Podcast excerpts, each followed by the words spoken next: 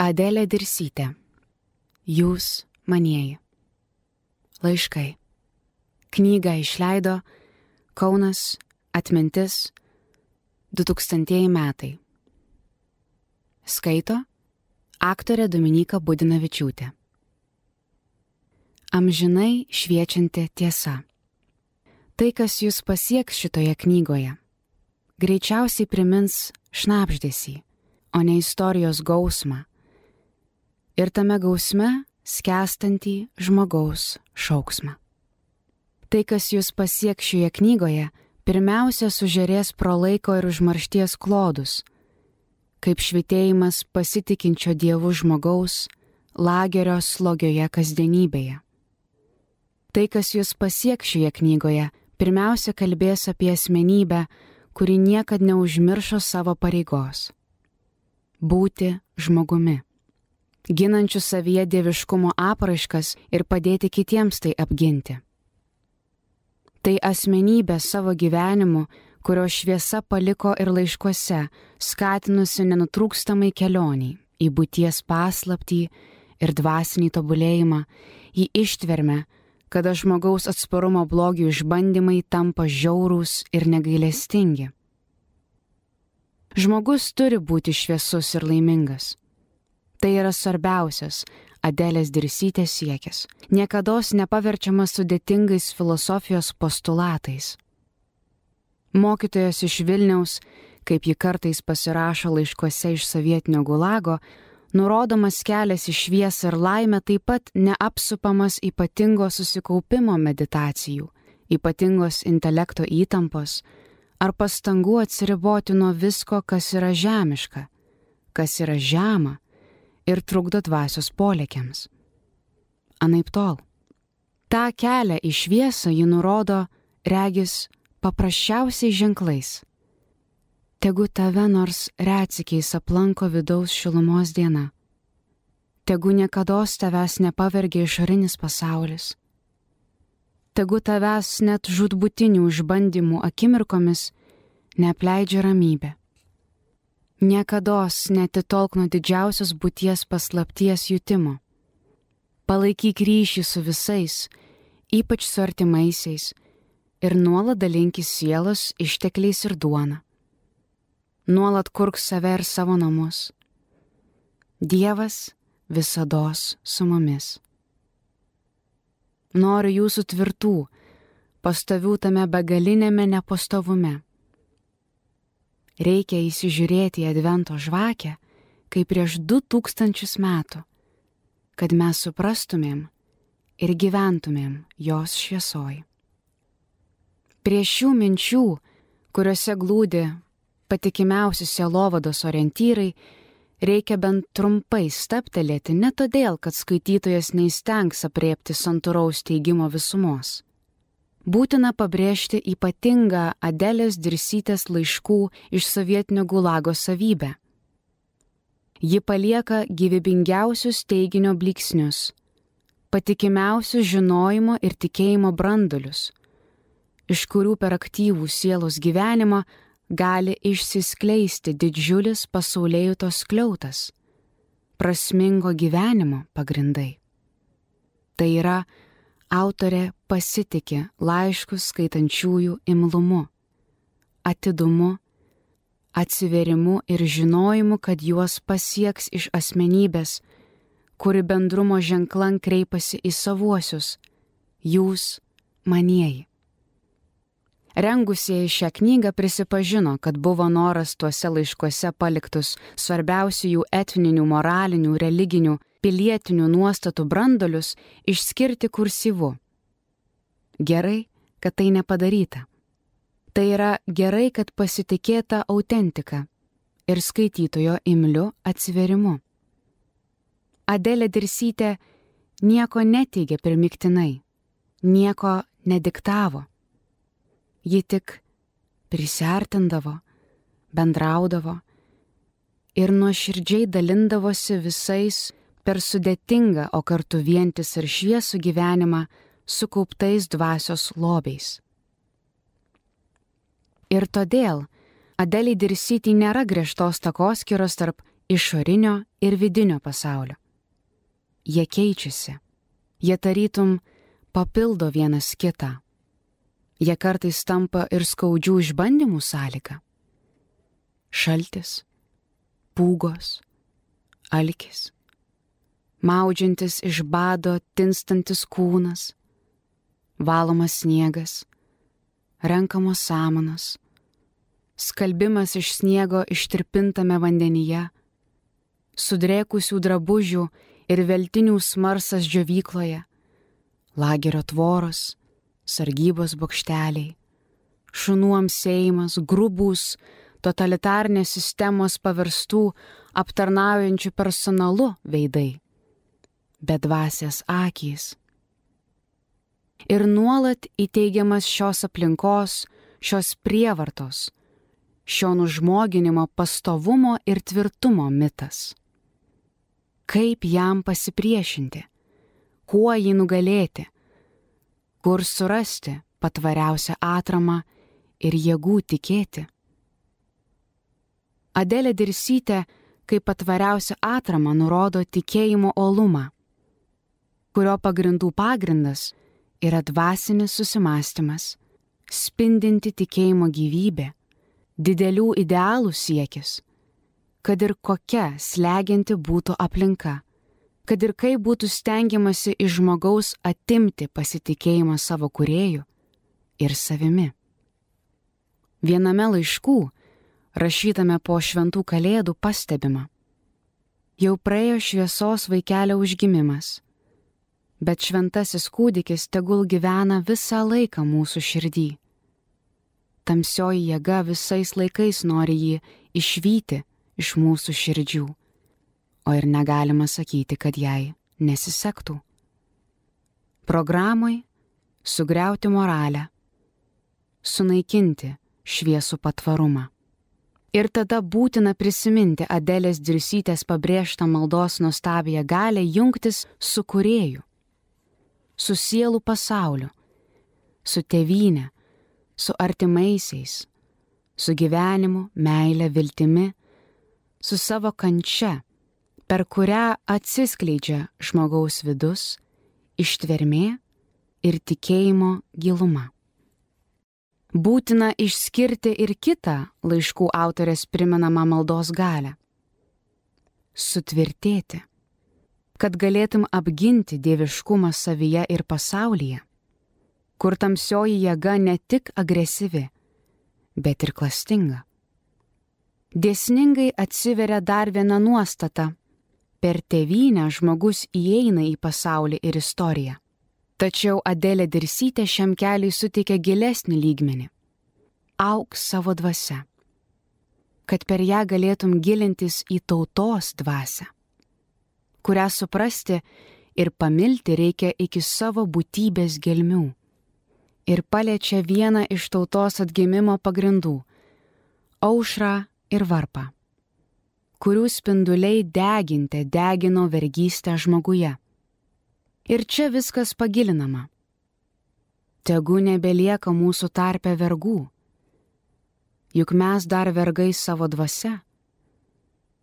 Mus valdo mūsų nuotaikos, pykčiai. Mums gadina nuotaika aplinka. Tai, ką dabar paminėjome, ir sudaro šios knygos turinio gelmes.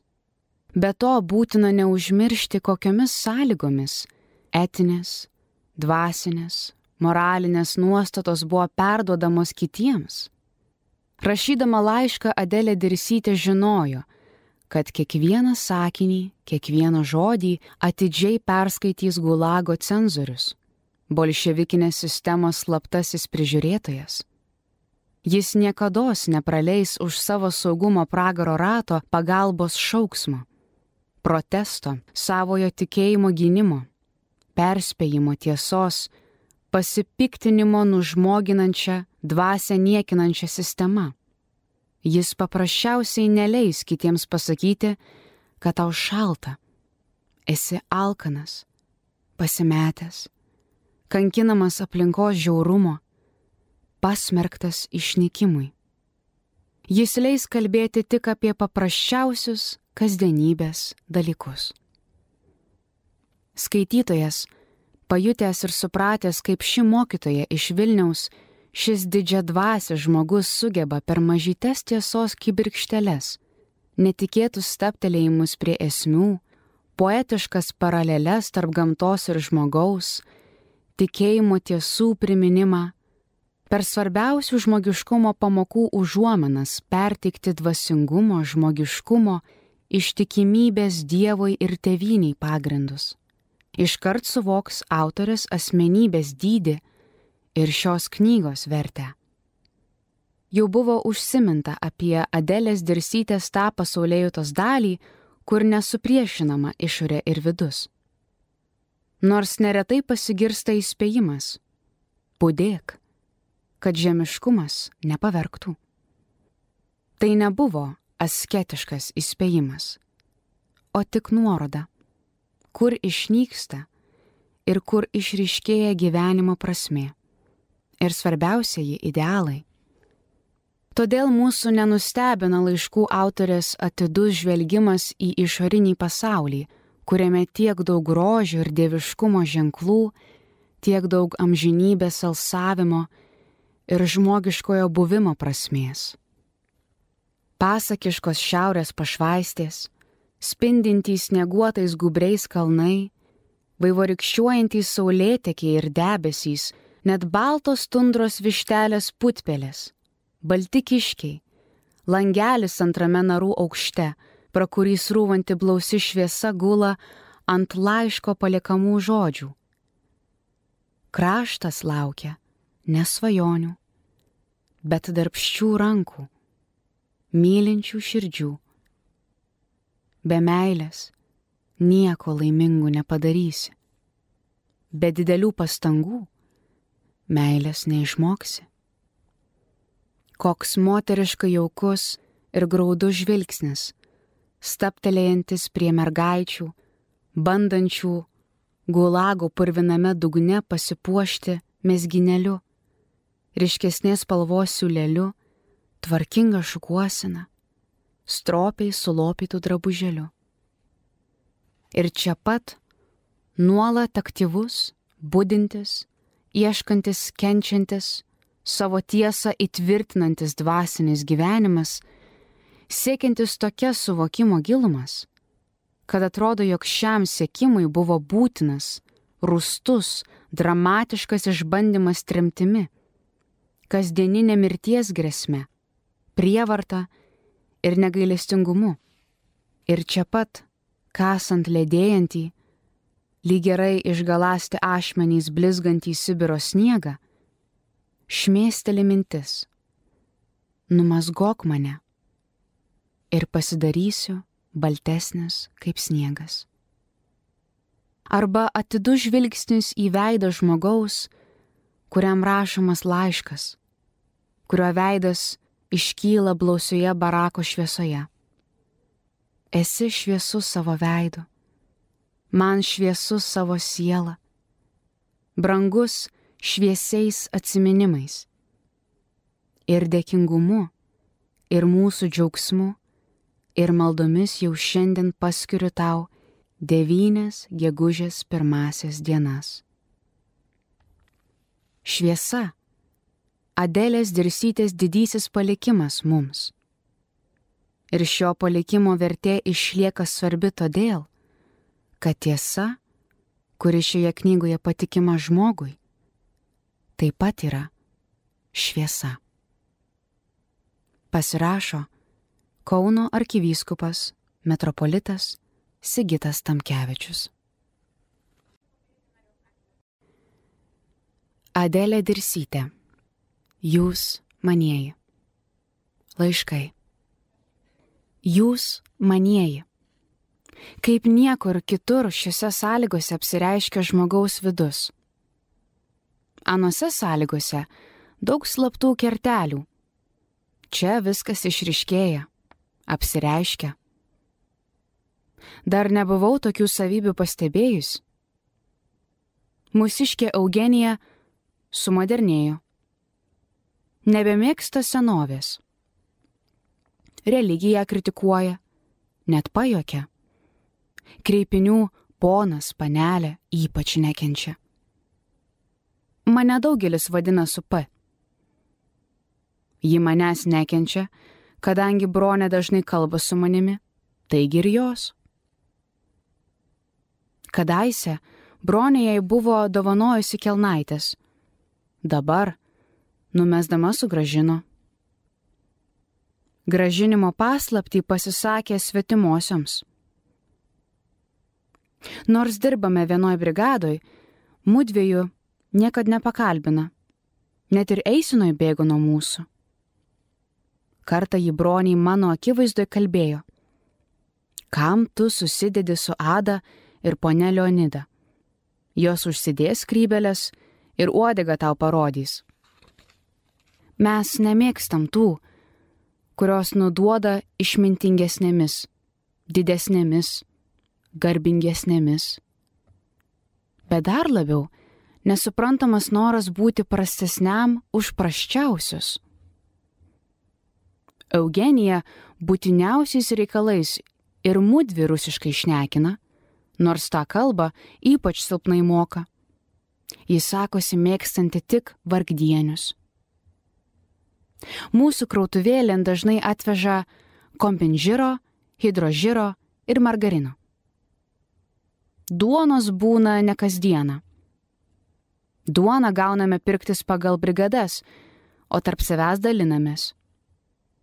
Šiandieną mūsų subronė gavimo eilė margarinas su cukrum ir duona ypač skanu.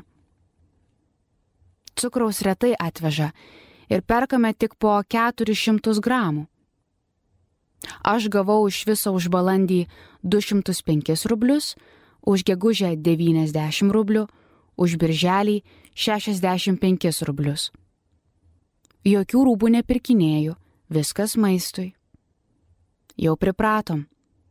Turiu, valgau, neturiu, kenčiu. Nors dar ir čia atsiranda taupytojų. Iš namų šiemet gavau 150 rublių, o apie rašytus 25 rublių dar nieko nesužinojau. Dabar paskelbė, kai būna gaunami pinigai. Dabar dažnai atveža kino filmus. Vakar buvo keturių širdys, šiandien bus vengriškas naujokai stadione. Filmui biletas po 2,60. Filmai turi pasisekimą. Buvo sekmadienį mūsų saviveiklos koncertas. Šokiuose dalyvavo ir mūsiškė Stasi ir Laimutė. Laimutė labai simpatinga ir graži jaunuolė. Stasi jau atsiskyrė savo elgesį iš mūsų tarpo. O kaip sunku čia išlaikyti gražų lietuvės vardą. Kur bebūsi, ten turėsi pajusti, kad tu ne iš čia. Ar valgykloj, ar darbe, ar polsio valandomis. Reikia nervų tvardymo, reikia begalinės išminties ir budrumo. Jei ne, nieku paverčiamas. Susiduriam ir su sielomis ieškančiomis. Štai adventistė Marija tik dviejų skyrių, o išstudijavus šventą raštą. Visą ir Senąjį testamentą ir gerokai atsimena. Man pačiai prieš ją gėda. Ašgi Senojo testamento nesu perskaičius. Čia daug reikia žinių iš literatūros, geografijos, istorijos. Mergaitės prašo nurodyti mūsų literatūrą liečiančią gražiąją meilę.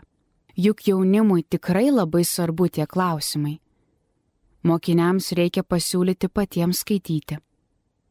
O kaip noriu, kad didžiosios laimės mintys visada gyventų su jumis. Daug nuomonių susirinkau apie įvairiausį laimės supratimą. Labai norėčiau, kad draugiukas kartas nuo karto parašytų švelnios sielos tetai Mariukiai.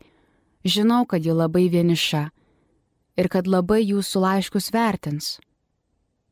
Pasakykit jai, kad aš jos vardadienį rūpjūčio penktą dieną gerai atsiminiau. Dėkoju viešpačiui už jos gerumą, už kilnumą. Pasakykit, kad jos labai ilgiuos. Judu sveikinu, be pradedančių naujuosius mokslo metus. Aš bent tą pirmąją dieną labai išgyvenu, nes labai anų dienų pasilgau. Algi, tavęs ypač prašau didelės rimties mokslo darbui, nes tėvynė iš tavęs labai daug laukia. O kiekviena kilni siela tėvyniai didelis turtas. Jau labai noriu daugiau sužinoti apie Liuciją ir Tonį. Kur jie? Kokios jų nuotaikos? Aš esu labai ir labai laiminga, nes viešpats mano sielai teikia ramybės, duoda jėgų, minčių, mano aplinkoje yra simpatingų sielų, kurios mielai bendrauja su manim ir visur padeda man. Sieloj visiška gedra. Jūs dabar visai turite vaizdą apie mano materialę padėtį. Juk aš viską prašau. Jau nuo gegužės mėnesio esu soti. Pirma buvo kojos sutinusios, dabar jau beveik visai praėjo. Gydytoja teigia, kad cingos reiškinys. Cinga čia įvairiausiai reiškiasi. Vienai po nagais krojo indai sutrūko, pamelinavo nagai, kaip po sumušimo poilsis, geras maistas. Praeina. Kitos veidą keistas raudonumas su spogais nupylė. Dabar maloniausia valandėlė, kai einame namo. Mat turime prisirauti po truputį šieno. Patenkame į pievą. Jau girtuoklės, moraškos prisirpo. Moraškių išvaizda kaip gervogių, spalva primena citriną, o skonis kepto obolio. Yra ir rūkščių mėlynų, kurių ir vardo nežinau. Truputį pasirenkamo gyčių. Bruknės daržalios. Pernai anksčiau pribrendo. Tik jau antra diena muselės pradėjo varginti mus, nors šiemet jų daug mažiau. Jums abiems, tetai, svainiui Juozui, ponui čia daug saulėtų sveikinimų. Žinojau pono čia vardo dieną, nes pas mus yra Česė jam ir vardo dienos sveikinimai, namiškiams taip pat. Mano brangiausieji. Šventas vakaras. Mes ruošiamės kūčioms. Nuotaika pakili. Štai vienas antras sveikinimas iš draugų ir draugių. Tas džiugina. Bet lyg normalu bet draugiuk tavoji su Veliku fotografija mane sujaudino. Labai sunku buvo vadovauti pamaldom ir meno programui. Nenorėjau nemiego. Juk kokia laimė būti su jumis, žinoti, kad jums sekasi, kad Viliuko tėtė namie. O kiek viešpaties gailestingumo, gerumo, kiek daug bus lengviau toms mūsų auksaširdėms globėjams, jūsų mamoms. Prie kūčių stalo sėdėjome penkios. Buvo jauku, turėjome net skanumynų, net duoboliai, mandarinka ir biskvitų buvo ant stalo. Tie skanėstai buvo dovanos įvairiomis progomis. Jau šaukia pusryčių. Jau pasibaigė šventės, lyg dideliai pavargom, daug įspūdžių, daug naujų sielų, niuansų, išgyvenimų. Šį mėnesį mažai polisio dienų. Naujas kolonos darbo viršininkas žiūri tvarkos, baudžia. O mes greit vadžias paleidžiame, išmokom daug ir nereikalingo kalbėti. Tas iš tavo laiško džiaugsmas dar tepi gyvena su manim. Šiandieną sekmadienis Dirbsime nedaug. Visos eisime į kalnelius Malkų 9 val. Popietis bus laisvas. Nutarėm su savo nauja preteliuke levute rašyti į savo namus. Ji šiandieną gaus siuntinį. Vakar gavome sveikinimą iš miesto devinių mergaičių abi. Gražus piešinys, abi norėjome, metėme burtą. Ji laimėjo. Aš taip ir norėjau, nes aš daugiau gaudavau kai ką noriu persiųsti į namus iš tų sveikinimų. Koks įdomus mūsų Vilius. Jo veidas man patinka. Jis prieš čionykščius vaikus - didelis. Visos taip sako. Dėl tonio. O kaip aš norėčiau prašyti, maldauti, kad jis kultūrintųsi, kad nepaskestų niekingose žaidimuose, tuštybei. Juk tėviniai tam reikia sumanių, energingų, darbščių vyrų. Draugiuk, kiek daug čionykščio jaunimo dar svajoja mokytis, kas jiems padės? Aš savo artimiausios raminu, kad bus pagalba. Galvoju, kad ir jūs ją mums suteiksite nejaugi jūs tik tuščiais žodžiais mūsų laukite, arba mes jums mirę. Kai aš žiūriu į savas jaunuoles, kurios glaudžiasi prie manęs, kad mokytis, kad sužinoti, man graudu darosi, kad kai kas ir pavalgęs negyvena tuo bendru tėvynės troškimu - šviestis, lavintis, kad sumažintų visokiojopą skurdą, Mes mokomės darbe iš popierėlių, dideliame šaltį, nuovargį užsiduodame kiekvieną dieną šitą iš savęs išspausti. Brangyčiai, jūs būsite mums mokytojais, to iš širdies prašau. Mums visokių žinių trūksta, o norai mūsų dideli. To labai prašau ir Liucijos, ir Genutės. Draugiuk, tu nuo savęs joms tą primink. Iš tavęs 70 rublių gavau. Jie labai man palengvins, nes šiuo momentu mūsų brigada tik koloną aptarnauja, mums nieko nemoka. Labai dėkinga. Gavau 12 mėnesio 10 dieną iš Katriutės siuntinį ir 10 egzempliorių tiesos, nežinau iš ko. Viskuo džiaugiuosi. Šie metai man buvo geri, nesunkus. Nuo gegužės mėnesio ir su maistu buvo nesunku. Gavau iš jūsų 150 rublių, paskui pati uždirbdavau. O ateitis - Dievo rankose. Dvasiniai irgi nejaučiu skurdo. Perskaičiau keletą knygų, retkarčiais paskaitydavau laikraščius. Turėjau gerą prietelę Teresę, kuri mano sielai atatinka. Daug moralinės ir materialinės pagalbos iš jos turėjau. Dabar su levute auklėjamės, lavinamės, ji tavo bendrametė. Mane tas džiugina, kad ji nori tobulintis. Mudvi kartu miegam, dirbam ir valgom. Kūčiose turėjom kalėdų senelio laišką. Mes viena kitai rašėm. Orakulą surašom ant atskirų kortelių po vieną žodį ir traukinėjom, dėstome. Parašiau rašinėlį mergaitę. Man buvo labai miela, gera. Kūčių puota visur praėjo labai ramiai. Daugiau geroj nuotaikų ir turtingiau, kaip kadaise. Mes turėjom 14 valgių, o reikėjo pagal tradicijas 12. Labai nesmagu, kad teta negaluoja, jau artėja jos vardadienis. Aš ją labai nuoširdžiai sveikinu maldoje ypač kad jai duotų sveikatos linkiu.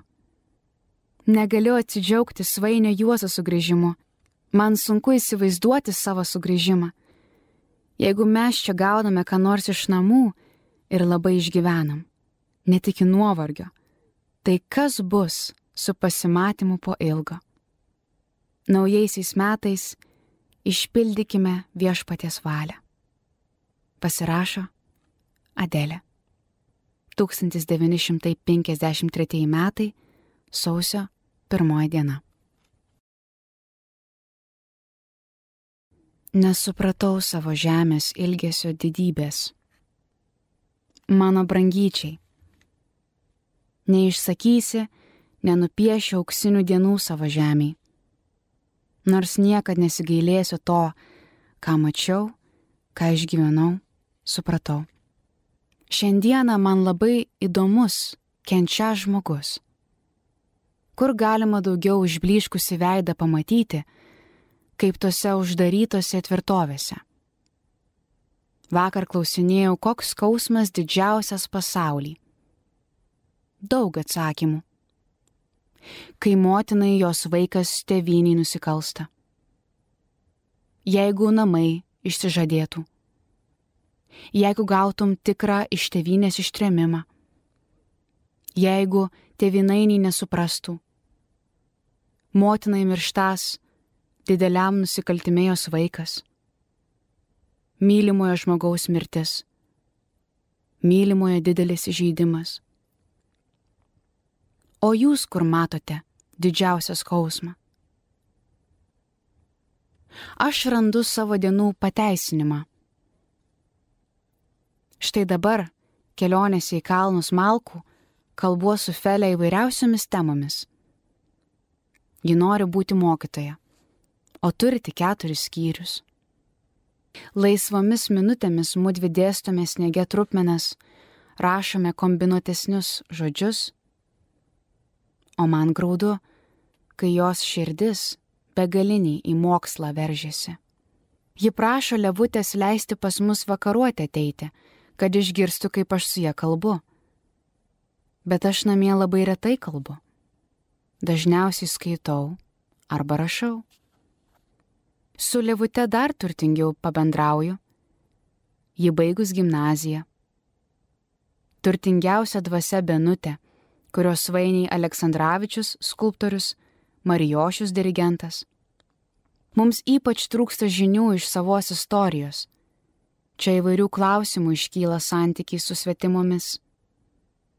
Vakar dieną Antutė iš bičkų sapnavo nevykusiai Tonį. Jis jai pasirodė subrendęs, gražus, jos nepažinęs. Gal jūs gavote laišką, kuriame ji prašo sužinoti apie jos saviškius ir giminės brolis jos gyvenė Šėtos gatvėje 54, o teta Kalvaitienė peletnagiuos. Paprašykit namiškių, kad jie pasiteirautų. Jau gavau tris kartus tiesą. Pirmą 10 egzempliorių, antrą 7, trečią 13 egzempliorių. Labai ačiū. Mes skaitome daugumą. Taip pat pirmąjį šiemet laišką iš genutės gavau iš jų dviejų broliai gruodžio mėnesį. Taip pat tavo 70 rublių. Retkarčiais atveža krautuvę, o ypač gerai papildomas per virtuvę, kuris už dešimtadienį kaštuoja 27-28 rublius. Su papildomu visai maisto pakanka. Aš nuo gegužės mėnesio iki šios dienos nejaučiau maisto stokos. Gerokai padiktėjau, jaučiuos gerai. Turiu jėgos dar anksčiau atsikelti skaityti. Jau gerokai pramokau rusiškai skaityti. Dabar geriuos Nekrasovo kūrybą. Daugelis man pavydė mano skaitimo įstros. Su Jonaviškiam susižinau. Tik šakietės kazytės nebejaučiu, kur ji. Labai norėčiau žinoti apie ponę ir jos saviškius, taip pat apie ponę Kotriną. Jeigu namiškiai siūs siuntinį, tegul rašo ilgą laišką. Man stokoja popieriaus ir vokų. Dabar aš nieko nebeuždirbu. Labai noriu mokytojauti. Dabar žymiai sustiprėjo pažiūros į žmogų ir pasaulyje žiūrą. Dabar viskas šviesiau, prasmingiau. Dabar man kiekviena diena labai brangi. Niekad nenobodu, nes tai didelė Dievo dovana. Jaučiu, kiek brangaus laiko bereikšmiai nutekėjo, kaip mažai išlavinta mano akis, ausis, proto ir jausmų galios. Jaučiu, kiek daug gaišau dėl kitų nuomonių, dėl nepasisekimų, dėl nedrasos. Dabar daug ką taisyčiau. Draugiuk, tavo globėjo diena artėja. Labai noriu, kad tu kūrybiškas būtum, kad tu būtum naujo ieškotojas, kad tu tarnautum savam žmogui. Aš kasdieną su jumis visais. Labai nenoriu iš saviškių, kad kaip daugelis bijosi blogų nuomonių, vaikusi tuščių minių pagirų, garbės, daro veiksmus, kad tik jų vardo didybės nepajudintų jų kalba šabloniška, galvojimas blukus. Tetai ir ponui čia daug sveikinimo iš tolimų ir rytų pusnių. Pas mus dažniausiai giedros dienos, bet šiandieną krenta sniegas, vėjas, o vakar audra buvo. Pas mus viskas užnešta. Bus slidinėjimo, kritimų, eisime be kelio, be takelių. Parašysiu daugiau per pietų pertrauką. Pietums pareiname namo valandai. Gausime valgyti kopūstų ir košės. Jau parėjom iš darbo visiškai. Turbūt šiandien apšalaus kruostus, audra neša aštrius ledukus, labai iškapojo veidus, net galvas svaigsta. Ramiame ore tos pačios kelionės daug lengvesnės. Sveikinu Jūs su mūsų didžiaja švente. Pagalvokime apie aušrą ir varpą. Tegul tie aušros spinduliai išlaiko mūsų viltis, o varpas te būdina visus. Tegul nebelieka mūsų tarpe vergų, juk mes dar vergai savo dvasia. Mus valdo mūsų nuotaikos, pykčiai, mums gadina nuotaikas aplinka. Vėl darbe kalbėjom apie didžiausią skausmą. Žemaitukė Marytė labai nori su ginklu kariauti, nori vyrų būti. Ji labai jaunuolė, gimusi 1930 metais. Mūsų tarp ir jaunesnių yra, bet brandesnės dvasia. Jums visiems ir namiškiams linkiu prasmingų Velykų švenčių.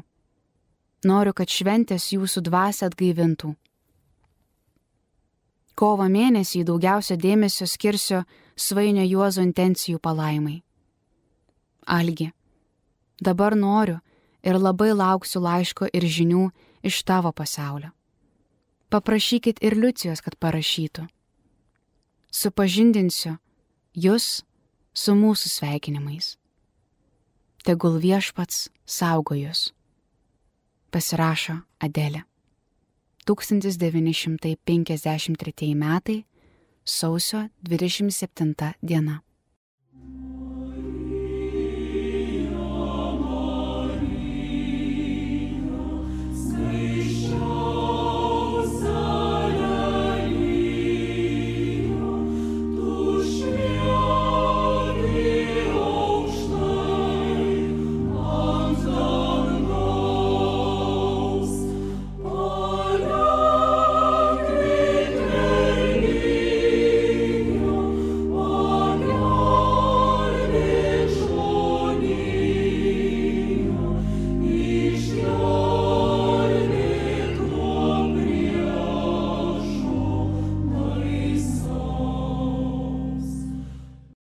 Leidėjas dėkoja rūpestingam Adelės Dirsytės gyvenimo pėdsakų saugotojui Stasijui Vanauskui, leidusiam pasinaudoti savo sukauptų archyvų.